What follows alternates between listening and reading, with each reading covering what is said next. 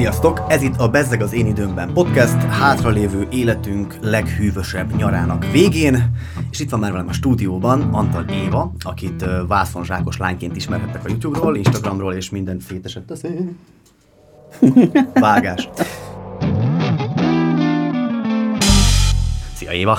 Hello, köszönöm, hogy itt lehetek. És szintén itt van Szabó Márton, aki Csoki néven is ismert a Hat Lépés csatornán és Fókuszcsoport csatornán egyaránt, de ő egyébként most erdészmérnöki mi voltában van itt a stúdióban, úgyhogy üdvözöllek téged is.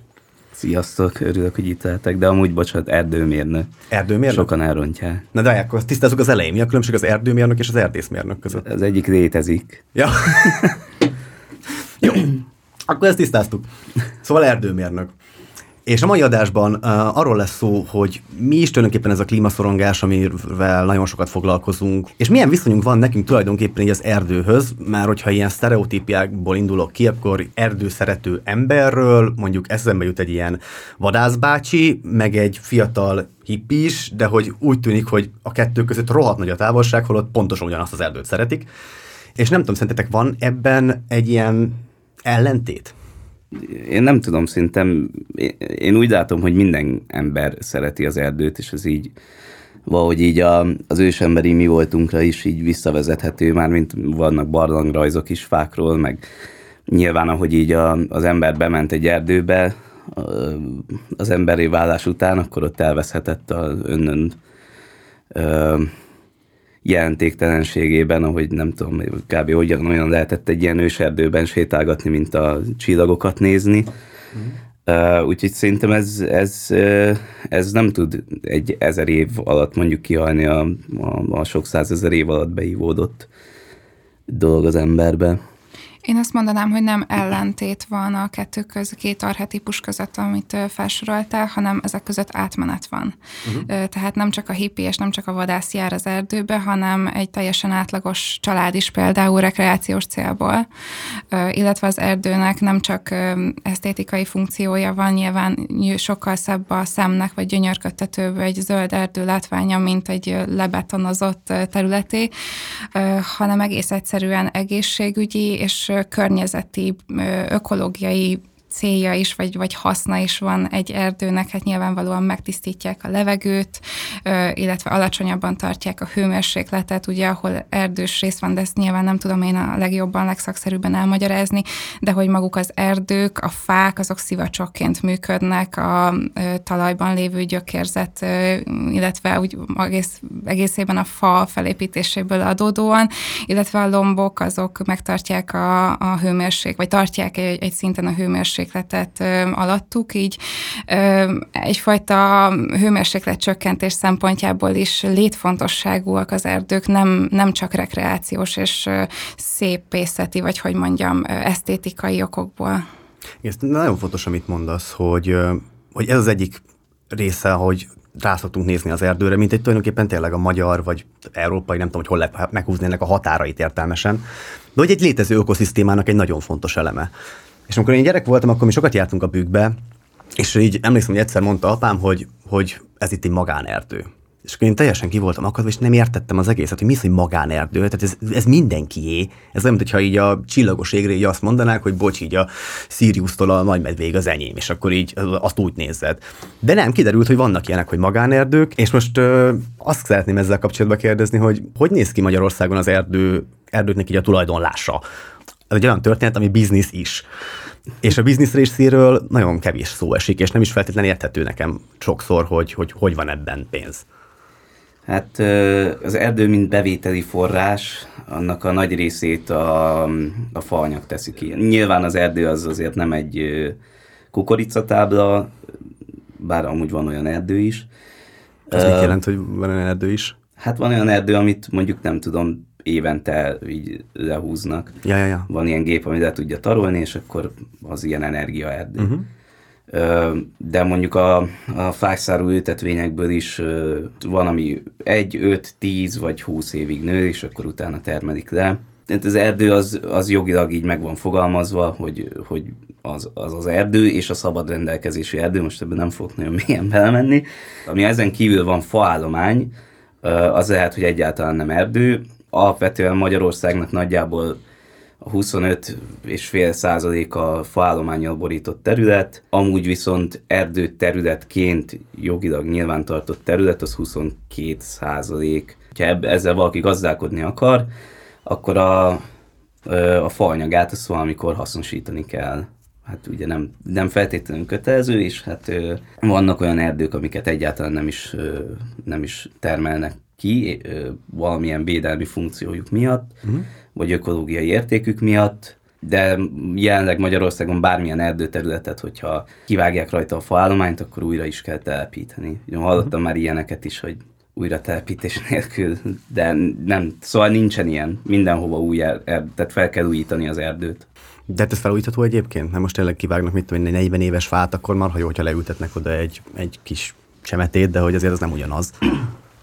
Hát igen, de az erdőnek amúgy van egy természetes körforgása. Az erdő önmagában, nem tudom, mondjuk ezer év alatt összeomlik, és aztán felújul. Az erdész az igazából ennyiben lépít be, hogy megpróbálja maximalizálni a hasznát az erdőnek, ami hát ugye így klasszikusan a faanyagból jön. Amúgy ez már kezd átalakulni, majd ezt is érinthetjük, de arra alakult ki ez a tartalmas erdőgazdálkodás, hogy hogy a, nem tudom, a bányához, meg a hajók építéséhez, meg a házak építéséhez ugye nagyon sok faanyag kellett, ezért akkor kitalálták, mm. hogy föl kell újítani az erdőt, és tartalmasan kell vele gazdálkodni és ez megmaradt mostanra is. Nincs olyan év mostanság, amikor többet vágnánk ki, mint amennyi terem. Viszont nyilván nem vághatod ki az egyéves facsemetét, és abból nem tudsz csinálni semmit, hanem meg kell várni, amíg megnő, levágni, és aztán felújítani, és az erdő tekintetében így nem lehet egy hektárban gondolkodni. Mindenképpen a nagy képet kell nézni. Hát a nagy kép pedig most jelenleg Magyarországon az volt, hogy kijött hogy ugye egy tűzifa rendelet, ami hatalmas felháborodást keltett. Éva, te videót is csináltál erről. Most, hogy finomítottak ezen a rendeleten, most már elfogadhatóbb ez a történet? Ha jól tudom, nem finomítottak a rendeleten, hanem egyfajta parancsot adtak ki? Hát a finomítás alatt arra értettem, hogy most akkor a természetvédelmi övezetekben és a Natura 2000 alá tartozó erdőkben nem szabad bármit bárhogyan kivágni, mint ahogy az az első megfogalmazásában benne volt a rendeletnek, de javíts ki, hogyha bárhol tévedek. Mm, nyilvánvalóan az is egyfajta siker, vagy örülhetünk annak, hogy, hogy akkor történt egy, egy finomítás a, a rendelettel kapcsolatban, de eleve már a felvetés hmm. szerintem káros, illetve én magában véve magával az egész kezdeményezéssel nem értek egyet olyan szempontból, hogy a rezsi probléma az most áll fent, tehát az, vagy, vagyis ezen a télen fog problémát jelenteni. Amennyiben most elkezdünk erdőket szorgosabban kivágni, vagy ezt, ezt valamennyire felgyorsítani ennek az ütemét, akkor az a fa, az a tűzifa, az mikorra lesz felhasználható? Én ehhez nem értek nagyon, de, de ha jól tudom, akkor nem az első télen. Tehát így ennek az üzenetét sem teljesen értem, és, és azt sem látom magam előtt, hogy, hogy akkor most emberek ki fognak menni, magánszemélyek, és elkezdik a a, az erdőket kivágni. Én, én azt érzem, hogy, hogy itt nem is magával a rendelettel kellene foglalkoznunk, hiszen azon finomítottak, hanem inkább az üzenettel, hogy mit közvetítenek ezzel, mit, mit gondolnak a, a magyar erdőkről és a magyar természet, illetve környezetvédelemről a felsőbb döntéshozók. Igen, tökéletesen egyetértek. Én nekem is az volt a legmegdöbbentőbb, hogy, hogy egyáltalán, hogy hogy Szóval, hogy, hogy jut eszünkbe? Itt nekem az a, nem véletlenül tettem egy videóba két témát. Hmm. Az egyik, hogy most bekerült a középiskolásoknak a, a tananyag közé egy fenntarthatóságról szóló hmm. tantárgy. 2024-től lehet ezt érettségi tantárgynak is választani. A Kék Bolygó Alapítvány gondozásában fejlesztették ki ezt az új tantárgyat. Tehát egyik szinten itt van ez, hogy, hogy akkor oktassuk a fiatalokat arra, hogy gondolkodjanak fenntarthatóan, és akkor ugyanakkor meg egy idő időben ezzel megjelenik egy, egy törvény a, a magyar erdők pusztításával kapcsolatban. Tehát itt ezeket az üzeneteket nem tudom értelmezni, hogy most akkor védjük, vagy, vagy uh-huh. pusztítsuk az erdőket, mi, a, mi az álláspont. Marti, neked szakmai szemmel mi volt a véleményed a nagy felháborodásról? Um, mi arra jöttünk rá egy, egy erdőmérnök barátommal, hogy az újságírók kevés forrásra tudnak ö, hagyatkozni, mert nagyjából ugyanazokat a dolgokat mm-hmm. láttuk viszont.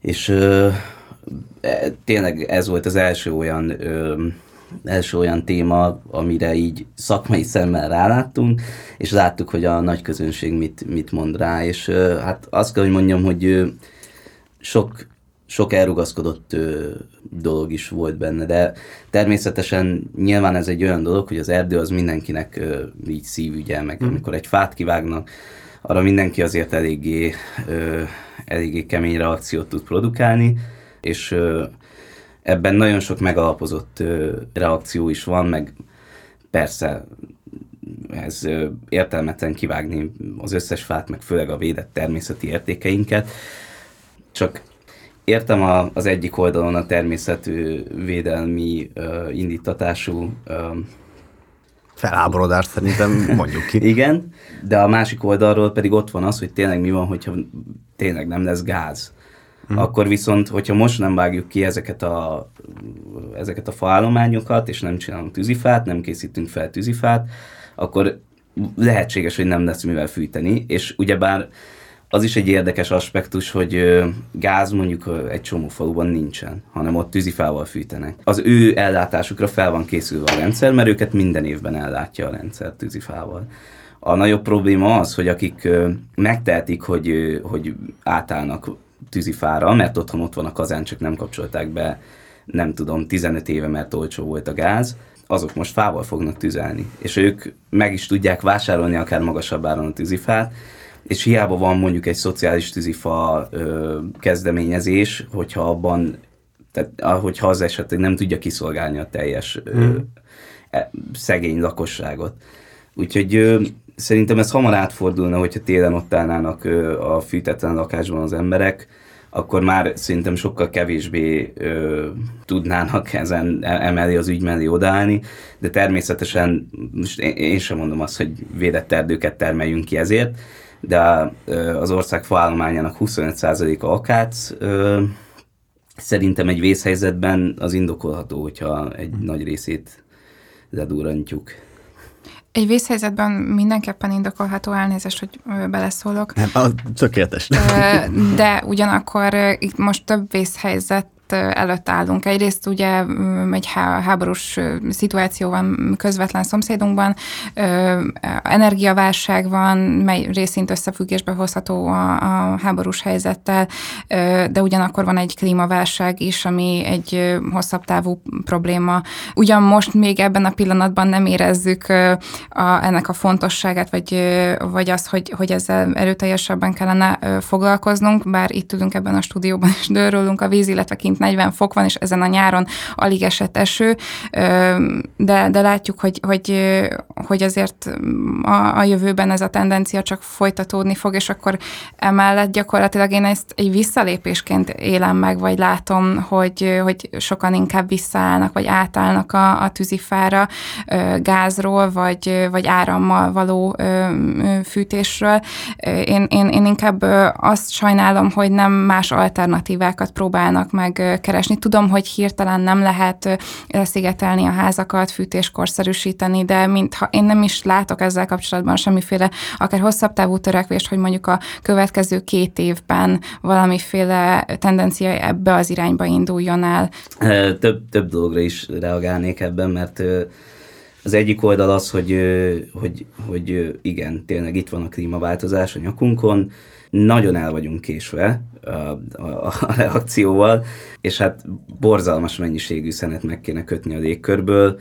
Most a magyar erdők azok a, a kibocsátásunknak a tizedét kötik meg, legalábbis azok alapján, a KSH adatok alapján, amiket én ö, találtam. Viszont a másik oldalról pedig, hogyha földgázzal és ö, tehát ami földgázt és kőolajat kitermelnek, és, és mi felhasználjuk valamire, az bekerül a szénkörforgásba a jelenlegi ökoszisztémában. Pedig ugye évmilliók óta megkötve állt a föld alatt. És ha viszont a, a ökoszisztémában jelenleg is körforgásban lévő, faanyagban lévő szenet ö, égetjük el, akkor ha bár igen, használjuk az erdőt, de, de mégis egy, tehát nem pumpálunk bele új szenet a körforgásba. Ilyen oldalról azért van egy előnye ennek a fa felhasználásnak, de a hatásfoka az valóban azért elég költséges, hogy a faanyagnak ugyanolyan legyen a fűtési hatásfoka, mint Ö, földgáznak mondjuk. Még egy hátrányt szeretnék megemlíteni, az pedig a légszennyezettség, ami télen egyes kisebb falvakban ö, komoly mértékben ö, jelen van, vagy mérhető. Én e, ezt is egy problémának látom, és, és ezzel, a, ezzel az új tűzifa rendelettel nem fog ez fokozódni? Hát ahol eddig is tűzifával fűtöttek, és ezután is Nyilván, hogyha... Most hogyha... többen fognak, mert nyilván az, aki eddig gázzal fűtött, az most valószínűleg vagy sokan fognak átállni tűzifára, tehát mondjuk egyes településeken inkább rosszabb lesz a, a, a légszennyezettség helyzete. Biztosan lesz ilyen, igen. A magyar, magyar lakosság egészségügyi állapota ilyen szempontból nem, nem fontosabb, vagy nem élvez előnyt. Én úgy látom, hogy, hogy sok hátránya van ennek, igen. valóban, de mondom, én ezt, én ezt úgy látom, hogy ez egy vészhelyzetre egy válasz. Egy vészhelyzetre egy válasz. Nyilván a másik oldalon ennek vannak negatív hatásai. Az a helyzet, hogy több fronton vagyunk megáldva vészhelyzetekkel, és hogy mondta is Éva, van itt a hosszú távú probléma, ami a klímaváltozás, amit most hát lehet azt mondani, hogy nagyon nem érzékeljük, de azért azt is tegyük hozzá, hogy az Alföldön, ami most történik, az a szintű asszály, azért az egyfelől példátlan, Másfelől pedig, hogyha jól sejtem, akkor valamilyen szinten összefügg az erdőknek a víz megtartó képességével, illetve az egész magyarországi vízháztartásnak a, a kérdésével. Erdőmérnökként foglalkoztok azzal egyébként, hogy egész Magyarországra, beleértve az Alföldet is, milyen hatással van egy erdő megléte vagy nem megléte? Persze. Ö, itt is az a gond, hogy rendkívül bonyolult a kérdés már, mint nehezen, uh-huh. nehezen, nehezen megfogható, hogy, hogy, hogy hogy marad meg a víz igazából a talajban. A magyarországi talajok jellemzően mondjuk egy évig meg tudják tartani a, a csapadékot, de tovább nem nagyon. Tehát én még nem láttam, hogy ezekre lennének programok. Valószínűleg elég sokat lehetne fejleszteni ezen. Én, én csak arra tudok gondolni, hogy nem lenne jobb, hogyha növelnénk még inkább az erdős területeknek a, a számát. Én erdőmérnökként természetesen azt fogom mondani, hogy de, de. nagyon jó lenne. Igen, de ö, amúgy hát volt egy tanulmány, ami szerint elvileg 27 az, ami így nagyjából a maximum lehetne, amit ki lehetne hozni. Ö, hát az ember előtt meg 84 volt, de azóta voltak folyószabályozások, meg hát klímaváltozás, és a klímaváltozás hatására a közepes becslés szerint, nem az optimista és nem a pessimista szenárió szerint is bejön a steppe klíma Magyarországra, és elég nagy területet, ahol most amúgy egy csomó erdő is van az Alföldön, a Dunatisza közén, ott ez be fog borítani, és hát nem tudom, milyen ezüstfával, turkesztáni szíllel, és aztán a végén már csak ugye köcsökfával tudunk visszajönni. Amin a Most miért bánt a szegény fákat? Ja, a köcsögfa az az, amit, amire a köcsögöt rakják szárítani. Hát az, ja, hogy ez a karó, magyarán. Gyakorlatilag igen, csak volt egy ilyen sztori, hogy a, még az átkosba kivitték a, a pártitkát, és akkor kérdezte, hogy itt mivel lehet erdősíteni, és akkor mondták, hogy maximum köcsögfával, mm. és mondta, hogy akkor hektáronként tízezret rendel és tényleg Magyarország csepp a tengerben, és bár nekünk a, a saját klímánkat, az, hogy a Kárpát-medencének milyen a, milyenek a klimatikus viszonyai, arra nagy hatással vannak az erdők, meg főleg a, a, tényleg a települések közelében is, a, a, akár csak a, a benti parkok, meg a, meg a fák. Azért nem, sajnos nem ezzel fogjuk megoldani, én nagyon örülnék, ha csak ezzel meg tudnánk oldani, de csak az erdőkkel nem tudjuk, és amúgy pedig ö, tényleg eléggé utolsó utáni pillanatban vagyunk, hogy egyáltalán megpróbáljuk megállítani. Én van egy nagy tudású kollégánk, aki mindig ö, minden beszédét azzal kezdi, hogy így elkezdi rázni a vészharangot, de már ö, nagyjából nem tudom, tíz éve ezt csinálja, és hát Hozzászokott a fülünk a vészharanghoz valahogy, az történik. Igen. Hát folyamatosan vészhelyzetben élünk, mint azt korábban mondtam, hogy jelen pillanatban is számos vészhelyzet áll fent, és ezelőtt is folyamatosan vészhelyzeteket hirdettek. Én, én azt érzem, hogy igen, valamilyen szinten megszoktuk ezt, és, és ezért nem vagyunk túl érzékenyek ez iránt.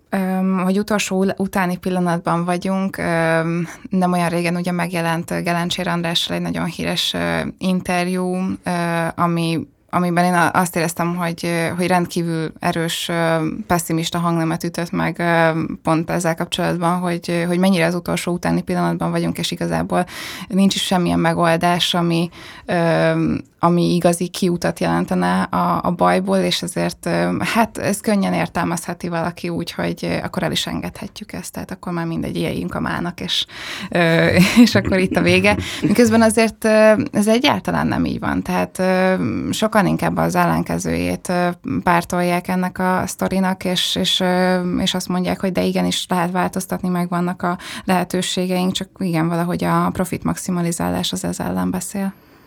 Ez, ez, ebben egyetértünk, szóval én nem, nem akartam azt azt az illúziót kelteni, hogy hátradőlhetünk, mert mind hmm. meghalunk.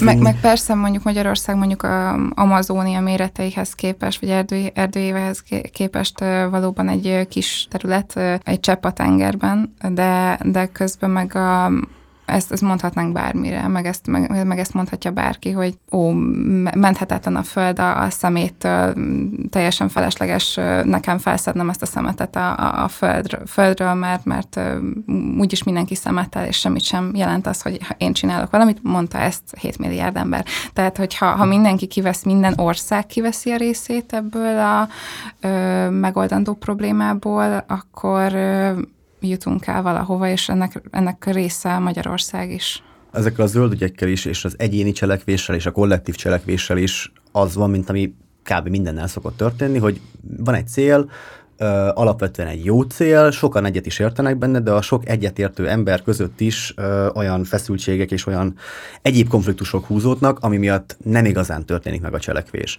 Nekem például az egész vegánság, a, az, éróvész történet, ez nagyon-nagyon ellenszenves volt még, még néhány évvel ezelőtt. Én borzasztóan haragudtam erre az egész uh, szubkultúrára, meg közösségre, mert uh, ez egy ilyen mezei, mezei egyszerű sértettség. Én azt éreztem, hogy mondjuk ott volt nekem az anyám, aki egyedül valahogy felnevelt három gyereket, és nem tudom, hogy hogy csinálta, és ő van csesztetve azzal, hogy tessék még miközben három gyereket valahogy felnevelsz, arra is figyelni, hogy lehetőleg lóvészt legyél, és, és, és azt vegyed, amitől kisebb lesz az ökológiai lábnyomod, ne azt, amit tudsz.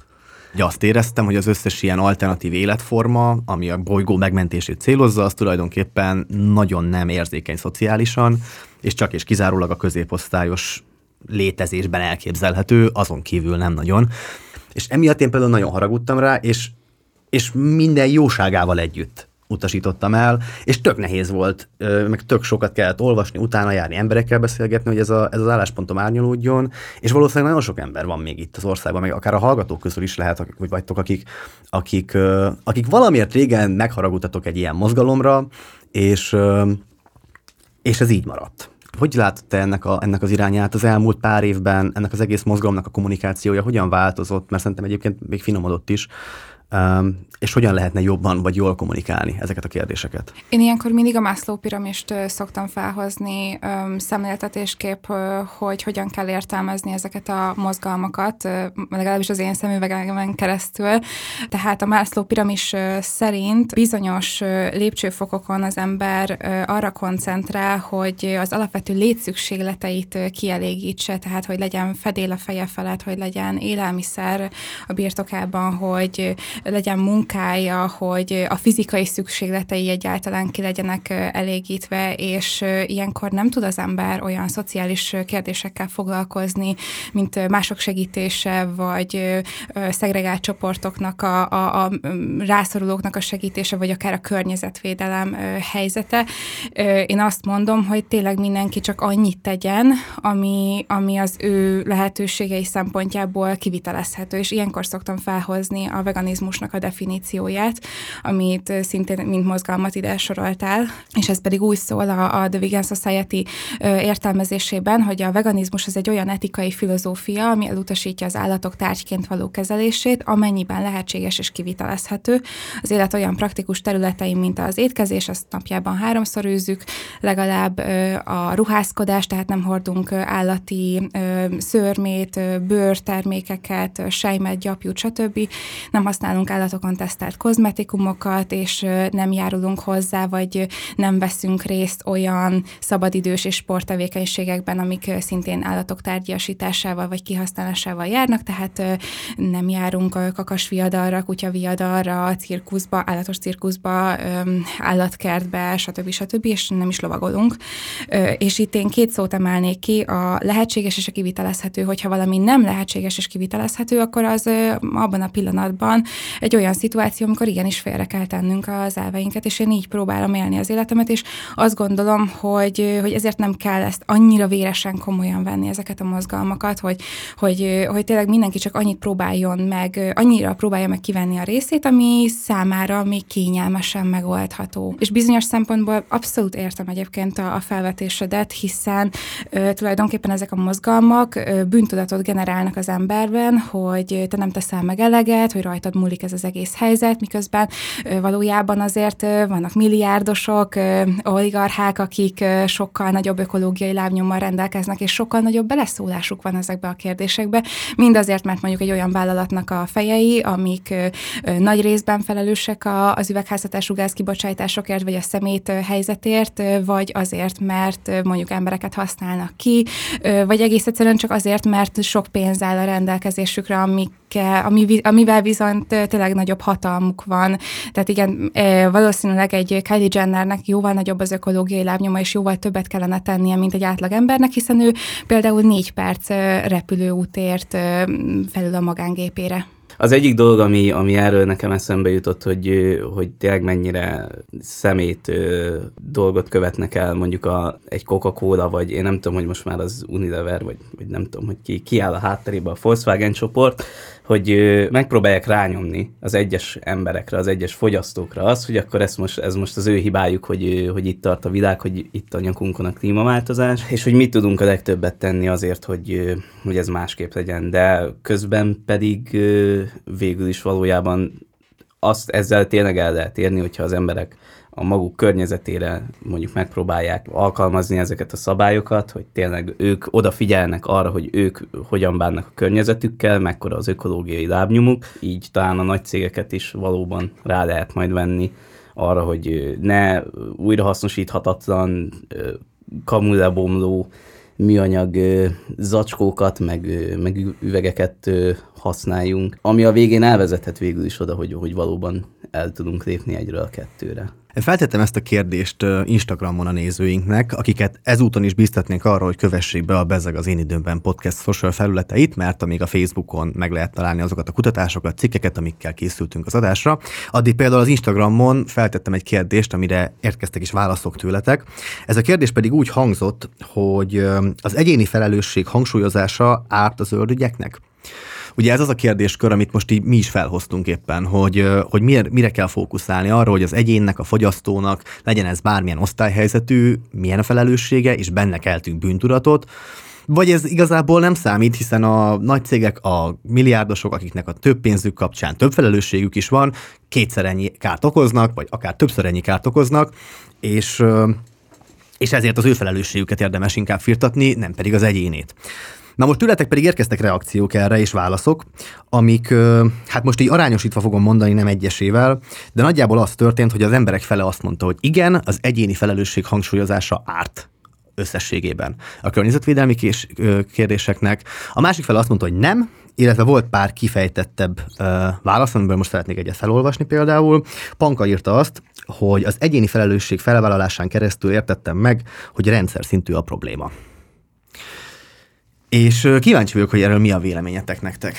Én tökéletesen egyetértek Pankával. Én amikor elkezdtem foglalkozni először is a környezettudatos életmódon belül a Zero Waste mozgalommal, akkor akkor még csak ilyen nap, nagyon apró dolgokon törtem a fejem, hogy mire válthatom le a petpalackos üdítőket, hogy hogyan vásároljak csomagolásmentesen, hogy ö, milyen takarítószereket tudok otthon előállítani, és ilyen piszticsári dolgok, valljuk be. Ö, de ezeknek köszönhetően kezdtem el elmélyedni a dolog társadalmi aspektusaival kapcsolatban is, és jöttem rá arra, hogy bizony-bizony ugyan szükség van az egyéni felelősségvállalásra, és, és arra, hogy edukáljuk a társadalmat, hogy a jövőben ne ismétlődhessenek meg ezek a problémák és hibák, hiszen azért az óceánokban nem véletlenül kerülnek bele azok a petpalackok, vagy nem, nem menjünk el az óceánokig, akkor menjünk mondjuk csak a, a Tiszáig, vagy, vagy a Balatonig. Tehát az egyéni felelősségről igenis beszélni kell, ugyanakkor viszont vannak olyan aspektusai ennek a kérdésnek, amiről nem tehetünk, amiben nekünk nincsen beleszólásunk,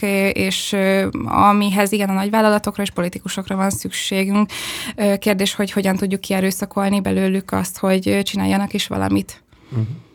És szerintem ugyanúgy, mint ahogy a, a klímaváltozás költségét nem sporolhatjuk meg, ugyanúgy azt se sporolhatjuk meg, hogy hogy helyettünk majd valaki más kitalálja, hogy akkor mit lehet csinálni. Tehát nyilván, nyilván mindig lesz valaki, aki az élen jár, és akit lehet követni, de hogyha csak arra várunk, hogy majd nem tudom, jön az önkormányzat, és akkor majd ő megmondja, hát szerintem attól még elég messze vagyunk, és hogyha mindig erre fogunk várni, akkor valaki ezt ki fogja használni és akkor meg inkább csak ártani fogunk. Uh-huh. Úgyhogy igen, mindenki, szerintem itt az elhangzott a kulcs szó az edukáció, de az, hogy edukálja magát, szóval nézzünk utána a dolgoknak, hogyha, hogyha ez érdekel, és, és kezdjük el megemészteni, hogy a fizetésünk egy részét viszont erre fogjuk költeni.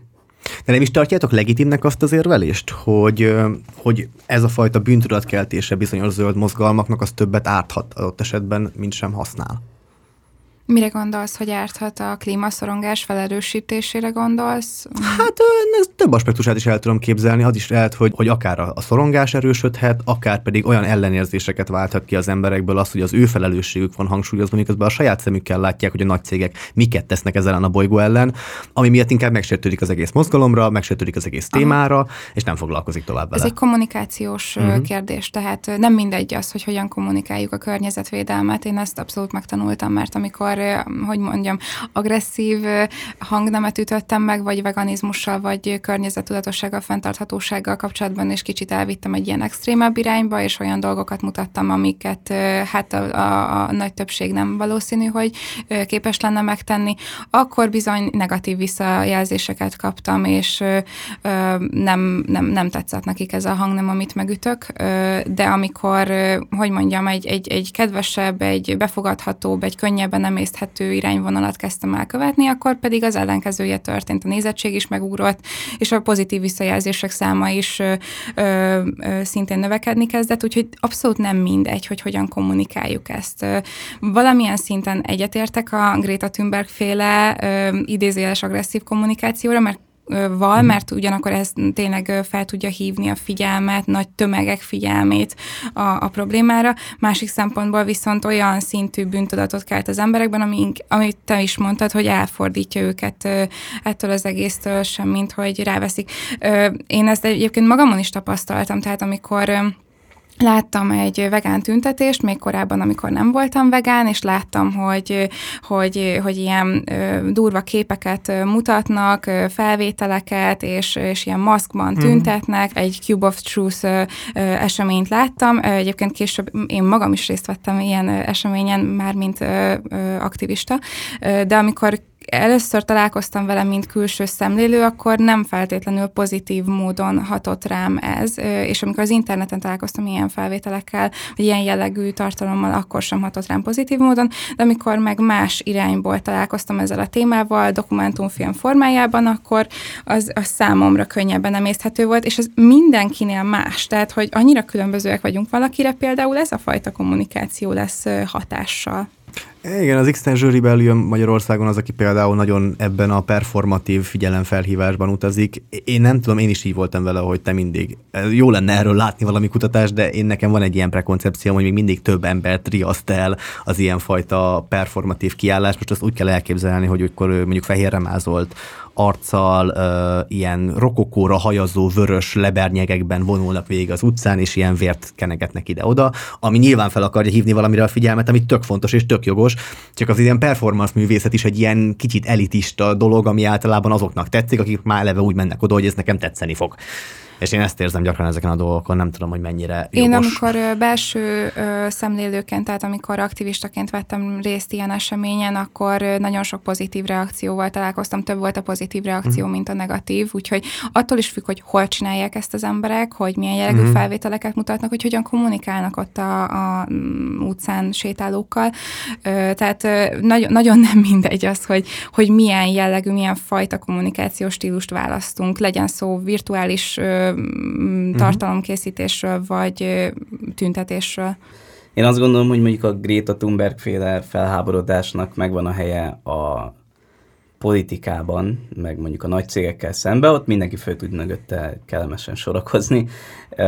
Viszont amikor egyénekkel beszélgetsz, akkor szerintem valahol közös pontot kell megtalálni. Én nekem mhm. legalábbis eddig a, a teljesen szemben álló oldalról indított vitáknál mindig ez, ez segített a legtöbbet, hogy akkor elkezdtük megbeszélni, hogy na jó, akkor mi az, amiben nem értünk egyet. Mondjuk te szeretnéd, hogyha tényleg végtelenül lehetne akkor szennyezni a bolygót, vagy nem, én nyilván senki nem szeretné ezt. És akkor a végére eljuttok oda, hogy igazából teljesen egyetértetek, és ehhez szerintem is azért kontraproduktív a vérrelkenegetés, meg a nem tudom, meg amikor én nem tudom, amikor ö, úgy jönnek oda, hogy, a, hogy, hogy, hogy ö, miért, miért vagyok ilyen szemétláda, hogy megeszek egy állatot, aki érző lény, akkor nekem is rögtön mondjuk az jut eszembe, hogy de akkor a növényeket miért tesszük meg, mert csak azért, mert nincs szemük, ők is éreznek, és ö, Szóval, ja, amit már nem feltétlenül tudok megvédeni, olyan érvekbe megyek bele, de csak hogy ne legyen már neki igaza. Igen, láttam egyszer egy ilyen matricát, hogy eat beans, not beings. Magyarán, magyarán egyél babot, ne élőlényeket, és akkor fogtam a fejemet, hogy értem, hogy jót akarsz, de hogyha te nem akarsz élőlényeket fogyasztani, akkor van egy nagyon rossz hírem. Nem nagyon fog sikerülni. Olvastam egy tanulmányt, amit szintén be akarok dobni majd a Facebook ö, oldalra. Ez sajnos csak angolul van, de szerintem marha érdekes.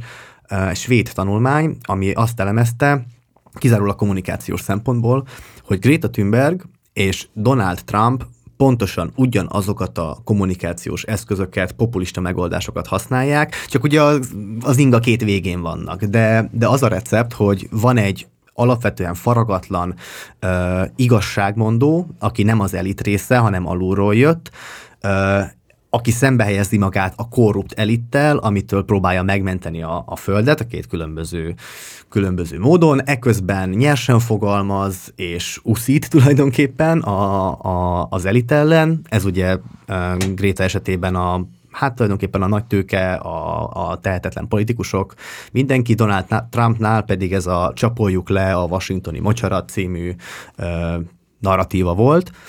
Uh, és akkor ez így felmerült bennem ez a kérdés, és nem tudom, jelölt, mit gondoltok, hogy, hogy ha azt vesszük, hogy mind a két különböző célért ugyanazt az eszközt használják, akkor lehetünk-e a földbolygó megmentése kapcsán ilyen machiavellisták, és mondhatjuk-e azt, hogy a cél szentesíti az eszközt, vagy sem? Ilyen szempontból nekem se a Trump, se a akkor a Greta Thunberg, de lehet, hogy az ő beszédeit amúgy kevesebbet hallottam, csak ezt, ezt hallottam, hogy azt mondja, hogy how dare you, mm. de, de egyik se szimpatikus olyan szempontból, hogy valószínűleg akkor a Gréta is mond elég nagy blödségeket, ami kisarkítva teljesen igaz, de hogyha egy kicsit megkapuírgálod a felszínét, akkor már rájössz, hogy hülyeség és szerintem, szerintem nagyon fontos az, hogy, hogy, hogy exakt tényekkel próbáljunk, tényeket próbáljunk kommunikálni. Szerintem az az, amivel a legjobban meg lehet győzni az embereket, és akkor itt meg is követem magamat, mert azt mondtam, hogy nem csökkent soha az erdőterület Magyarországon az elmúlt száz évben, de volt három-négy olyan év. És, Utána néztél? Igen, akkor már, amikor mondtam, eszembe jutott, hogy szerintem volt egy év, amikor valami ízét ilyen átkategorizálás miatt uh-huh. tételesen csökkent, de hát maga a faállomány borított terület nem, de uh-huh. hivatalosan az erdőterület csökkent, úgyhogy igen, volt ilyen, de nem azért, mert hogy így a fanyűvők nekiálltak és ide daráltak mindent. De hogyha ezt meg nem mondom azt, hogy volt ilyen, akkor meg rám lehet sütni, hogy tessék, én sem mondok akkor igazat. És akkor ezt már Donald Trump már például tudná visíteni, hogy, hogy na, nézzétek, itt hazudott. És hát akkor most már nem is lehet neki elhinni semmit. Hát éppen szokták azt mondani, hogy ez egy ilyen post-truth, vagy az igazság utáni időt élünk, ahol, ahol tulajdonképpen relatív, vagy mi az igaz, meg mi az igazság, meg mi, még a tudományos tézisek is relativizáláson esnek el, vagy még a tudományos téziseket is folyamatosan relativizálja valaki, és gyakorlatilag attól függ a tudomány mai állása, hogy melyik orgánumot olvasod. Hát meg gyakorlatilag mindegy, hogy milyen állásponton vagy, mind a kettőt meg lehet védeni, akár tudományos tényekkel, vagy, vagy, vagy tanulmányokkal alá lehet támasztani. Tehát mind a, kett, mind a kettőre lehet találni ö, mm, hivatkozásokat ugye korábban azt mondtam, hogy, hogy próbáljunk meg úgy kommunikálni, hogy az ne térítse el az embereket, hogy, hogy inkább rávegye őket arra, hogy változtassanak a fogyasztói szokásaikon, akkor most saját magamnak fogok ellentmondani, de valószínű, hogy, hogy bár sokkal szimpatikusabb a lassú edukáció, az alulról építkező, szociálisan érzékeny kommunikációs forma, de, de hogy ha vészhelyzet lesz, akkor nem biztos, hogy ez a megoldás, akkor, akkor lehet, hogy hát ki kell borítani a bilit. Ö, és, és néha, néha szükség van ezekre a hideg zuhanyokra, akármelyik ö, ö, oldalról nézzük. Tehát megint csak a Gelencsér András féle interjút hoznám fel, most oké, okay, hogy, hogy nagy szavakat használt, és nem is értek egy, egyet, meg, nem, meg, meg a tudományos szakértők, vagy szakértők sem értenek feltétlenül minden egyes szavával egyet, és voltak benne túlzások is, de ugyanakkor annak a cikknek köszönhetően ismét téma lett napokon, heteken keresztül a, a klímaváltozás, és erre van szükség. Vagy nem? Hmm, nem, egyetértek abban, hogy, hogy valahogy át kell ütni, mert a médiának van egy ilyen borzasztó működése, hogy hogy van egy hírciklus, ami azt jelenti, hogy van egy témád, ami x ideig érdekes, meg x ideig kattintékony, és minden zöld ugye állandóan ez történik, hogy bejön a, tém, bejön a köztudatba valami, aztán hát ez nincsen hova követni, nincsen follow-up úgymond, hogy nem az van, mint mondjuk egy korrupciós botránynál, hogy lebukik vagy belengetik, hogy Jóska korrupt, és akkor Jóskának utána megyünk ki, előjönnek papírok, stb. stb., amíg Jóska meg nem bukik, és lezárhatjuk a dolgot. Nem, mert ezek olyan dolgok, amik a következő 30 évben fognak a nyakunkra lőni, nyakunkra nőni, és nem nagyon lehet a média eszközrendszerével ezeket izgalmasnak megtartani ezeket a témákat. És ezért szerintem tényleg fontos az, hogy időről időre valaki taládobjon egy követ az állóvízbe, ugye kérdés, hogy, hogy ez lesz-e megoldás, vagy megint csak megijedtünk, és holnap tovább lépünk. Igen, és pont ezt szokták tőlem nagyon sokan kérdezni, főleg fiatalok, valószínűleg nagy klímaszorongók, hogy, hogy, hogy és akkor mi lesz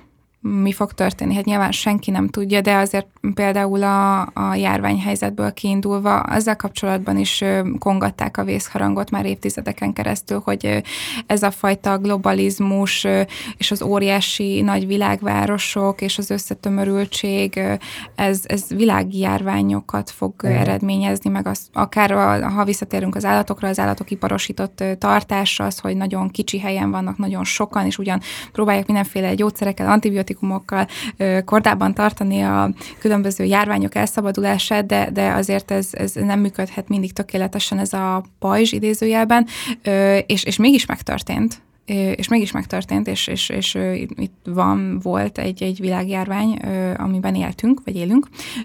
Úgyhogy én azt tartom valószínűleg, hogy valami ilyesmi fog történni a klímaváltozással kapcsolatban is, uh-huh. és talán az utolsó pillanatban, vagy az utolsó utáni pillanatban kezdünk el valamit csinálni, és hát én nem, nem azt tartom valószínűleg, hogy megállítjuk, vagy visszafordítjuk, hogy nyilvánvalóan nem ez fog történni, hanem mi akklimatizálódunk az új helyzethez valahogyan.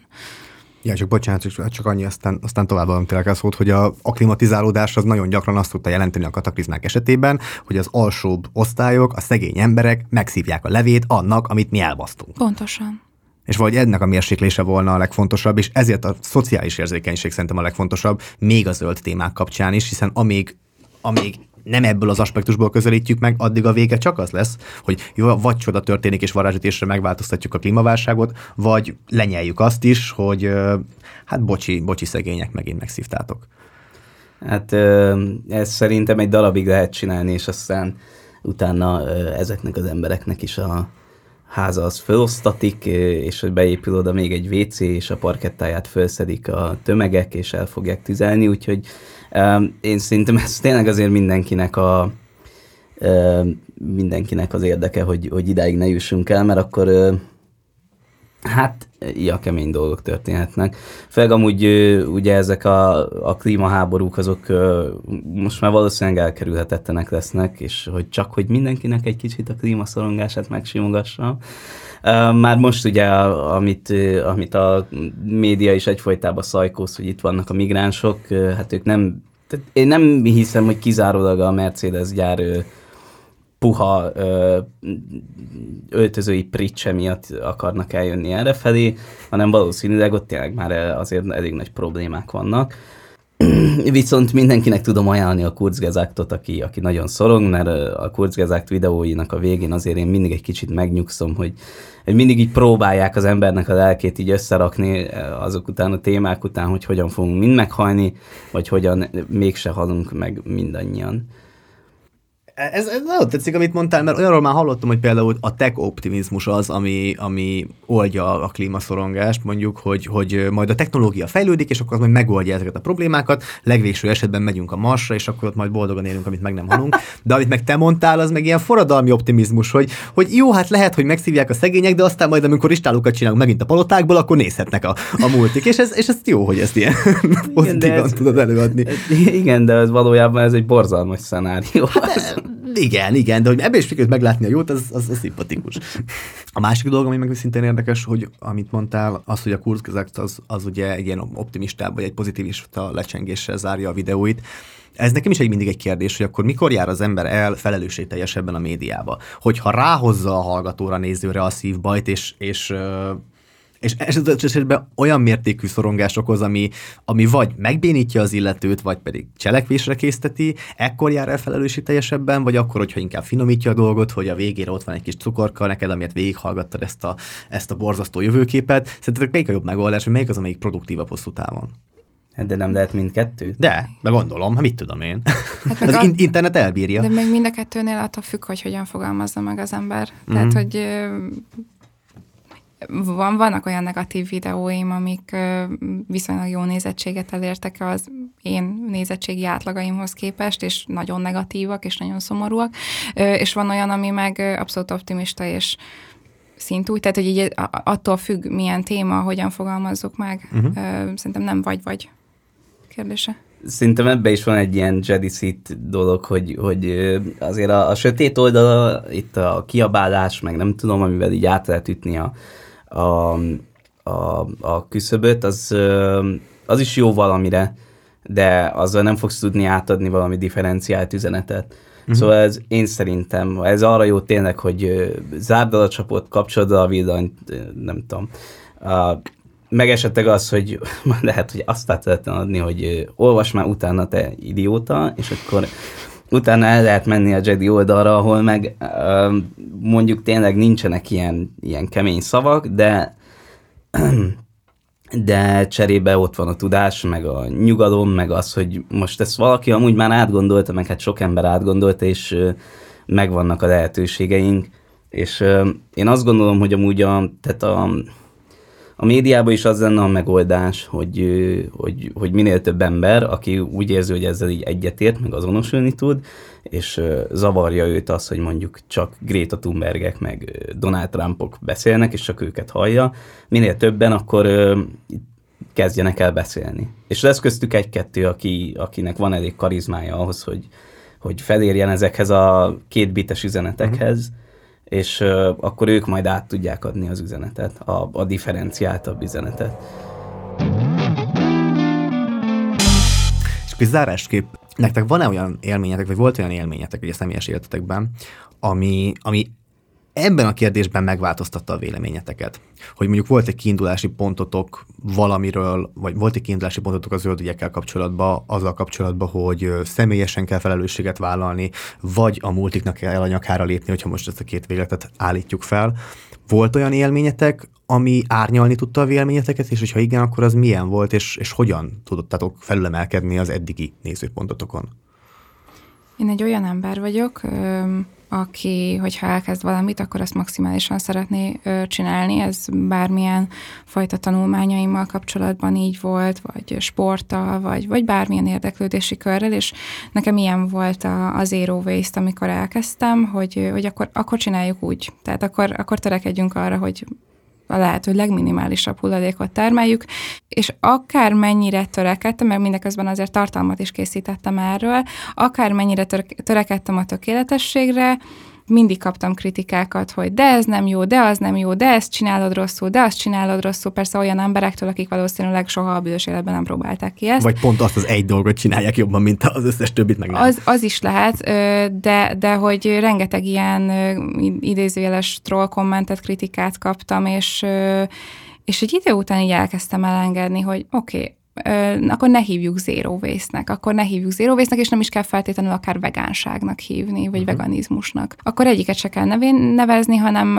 amit tudok, azt a, amennyire csak tudom, csinálom a magam tempójában, és nem támasztok magam elé olyan elvárásokat, amiket nem fogok tudni elérni. De most ezzel azt is mondod egyébként, ami, ami nekem azért meglepő, mert hogy ebbe a, a akár most vegyük mondjuk a veganizmust, azért ennek a történetnek az identitás képző ereje az, ami rohadt erős, és ami egy nagy, ha úgy, úgy most a szónak a társadalmi értelmében politikai tőkét tud teremteni a dolognak, hogy srác, itt van egy ilyen identitás, ezt magadra veheted, és a tiéd lehet. Azáltal pedig, hogyha azt mondod, hogy nem kell a nevén nevezni a dolgot, azáltal azt is mondod, hogy ez az identitás képző funkciója, ez kevésbé fontos, és ezt el lehet hagyni. A lényeg az az, hogy csökkents az ökológiai lábnyomodat. Hát vagy kevesebbet árts, inkább így, így fogalmaznék, tehát nem feltétlenül ökológiai lábnyomcsökkentés, hanem bármilyen fajta ártalom ö, csökkentés, hiszen nem vásárolunk például fast fashion boltokban, ezzel mm, próbálunk, próbáljuk bolykottálni ezeket a ö, nagy vállalatokat, amik ö, marginalizált csoportokat használnak ki. Ö, és még ezernyi területről beszélhetnénk. Én, én ö, nekem ezzel az identitással óriási problémáim lettek egy idő után, nekem inkább ellenszenvessé vált ez. Tehát én annyi minden vagyok, én nem egy, egy vegán ember vagyok, nem a vegán ember vagyok, ö, hanem, hanem én egy budapesti fiatal vagyok, én egyetemista vagyok, ö, én nagyon szeretem az alter popot, ö, nem tudom, tehát hogy annyi, annyi minden vagyok, mhm. annyiféle ilyen címkét fel tudnék sorolni, de valójában egyik sem vagyok. Tehát, hogy így ezek nem, ez, ezekből áll össze a személyiségem, és ugyanakkor meg nem. És az, hogy ráaggatunk egy emberre egy címkét, tehát a, a párommal is annyi, annyit beszélgettünk erről, hogy hogy neki mi volt a, az, ami ellenszenves volt a veganizmussal kapcsolatban, és neki például a címke, hogy, mm. hogy ő nem akar a vegán csávó lenni, mert ő, ő neki annyi érdeklődési köre van, és ő ezt nem akarja egy magára aggatni. Persze, hogyha nevén kell nevezni, hogy hát igen, ő nem hord bőrt, meg szörmét, meg gyapjút, meg nem eszik húst, meg tojást, meg tejet, és akkor is sorolhatnánk, akkor igen, a legegyszerűbb gyűjtőnév erre az, hogy vegán, de ugyanakkor nem, ő nem egy vegán ember. Tehát mm. ő annyi mindenből áll össze. És szerintem sokaknak ezzel problémája van. És hogyha meg egyszerűen csak azt mondjuk, hogy minden ember próbáljon meg kicsit növényt tenni, és kevesebb állati eredetű dolgot, az lehet, hogy produktívabb, mint, mint ha azt mondjuk, hogy oké, okay, akkor vegyél fel egy címkét magadra, mint, egy, mint egy fajta akár mondhatnánk azt, hogy vallási jelzőt. Esetleg triggerelődött jobboldali hallgatóinak mondom, hogy és nem kell rosszra gondolni, a hús túlfogyasztás megoldása nem feltétlenül a szejtános, nem tudom micsoda, hanem a krumplis tészta. Bár a szejtán is tud finom lenni. ja, amúgy azt mondom, hogy tök jó, az egy tök jó cucc egyébként, csak hogy hülyén hangzik. A ticsek meg a 3D nyomtatott hús.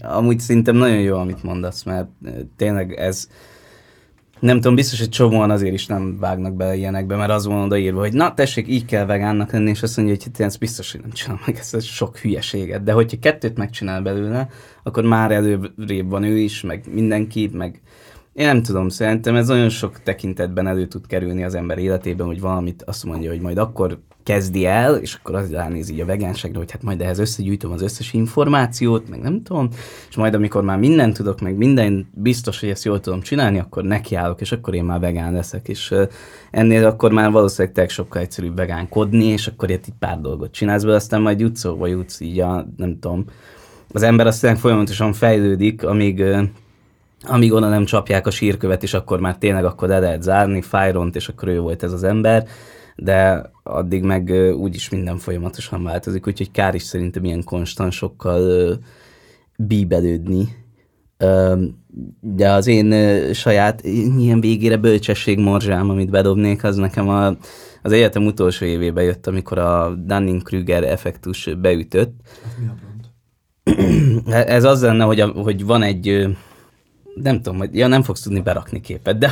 Ja, igen, mutatja a kezével, hogy ez egy elégszög, de hogy...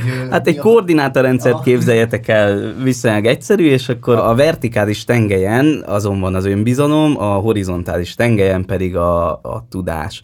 És ahogy egy nagyon kis tudásod elkezd lenni valamiről, akkor nagyon megugrik az önbizalmat, hogy te aztán mindent tudsz mindenről, és aztán eljutsz egy, egy pontra, ahol hirtelen leszakad az önbizalmad, mert rájöttél, hogy igazából semmit nem tudtál, mert most már tudsz annyit a témáról, hogy látod a mélységét. És akkor szépen lassan elkezd emelkedni fölfelé az önbizalmad. És amikor följut oda az önbizalmad, ahol azelőtt volt, hogy rájöttél volna, hogy tök hülye vagy, akkor, akkor lesz a szakértője egy témának. És uh, én, én, erre az első holdpontra az egyetem végén értem el, amikor az államvizsgámra készültem, és így olvastam a tételeket, és uh, nem tudom, rájöttem, hogy a, a 15 oldal, ami le van írva a bükkről, az még mindig igazából egy büdös nagy semmi, és hát ennél még azért sokkal több van ott mögötte, hogy ez most miért van, meg az miért van, és hát, hát rájöttem, hogy én nem tudok semmit, és uh, jutólag nagyon büszke vagyok magamra, hogy én ezt egyszer legalább elértem, mert innentől tudom, és szerintem erre valók az egyetemek, vagy azóta tudom, hogy, hogy muszáj egyszerűen utána járni a dolgoknak, mert nem, tehát és nyilván azóta is teszek blőtt kijelentéseket, meg így nagyon magabiztosan hülyeségeket mondok, de próbálok, amikor komolyan próbálok beszélni, a tényekhez ragaszkodni, és, és utána járni a dolgoknak, és nem csípőből tenni kijelentéseket. És én ezt, ezt tudom ajánlani mindenkinek, hogy jusson odáig, hogy rájöjjön, hogy mennyire keveset tud, és aztán utána pedig építse szépen a tudását. És ne felejtsük el szerintem azt, hogyha komolyan akarjuk venni azt, hogy a demokrácia még mindig egy olyan világ, amiben érdemesebb élni, mint bármi másban, akkor ne felejtsük el azt, hogy az egyéni cselekvések és az egyéni gondolatok azok, amik később valamilyen formában ki tudnak valahogy eredményezni egy társadalmi változást, aminek ezúton is szurkolunk. Úgyhogy Antal Éva és Szabó Marci, nagyon szépen köszönöm, hogy eljöttetek. Mi köszönjük. Én is köszönöm szépen. Ez volt már a Bezzeg az én időmben podcast. Nagyon köszönöm a figyelmet. Kövessetek be minket Instagramon és Facebookon, és hogyha megtehetitek, akkor szálljatok be a Partizán finanszírozásába. Ehhez minden linket megtaláltok a podcast alatti leírásba. Sziasztok!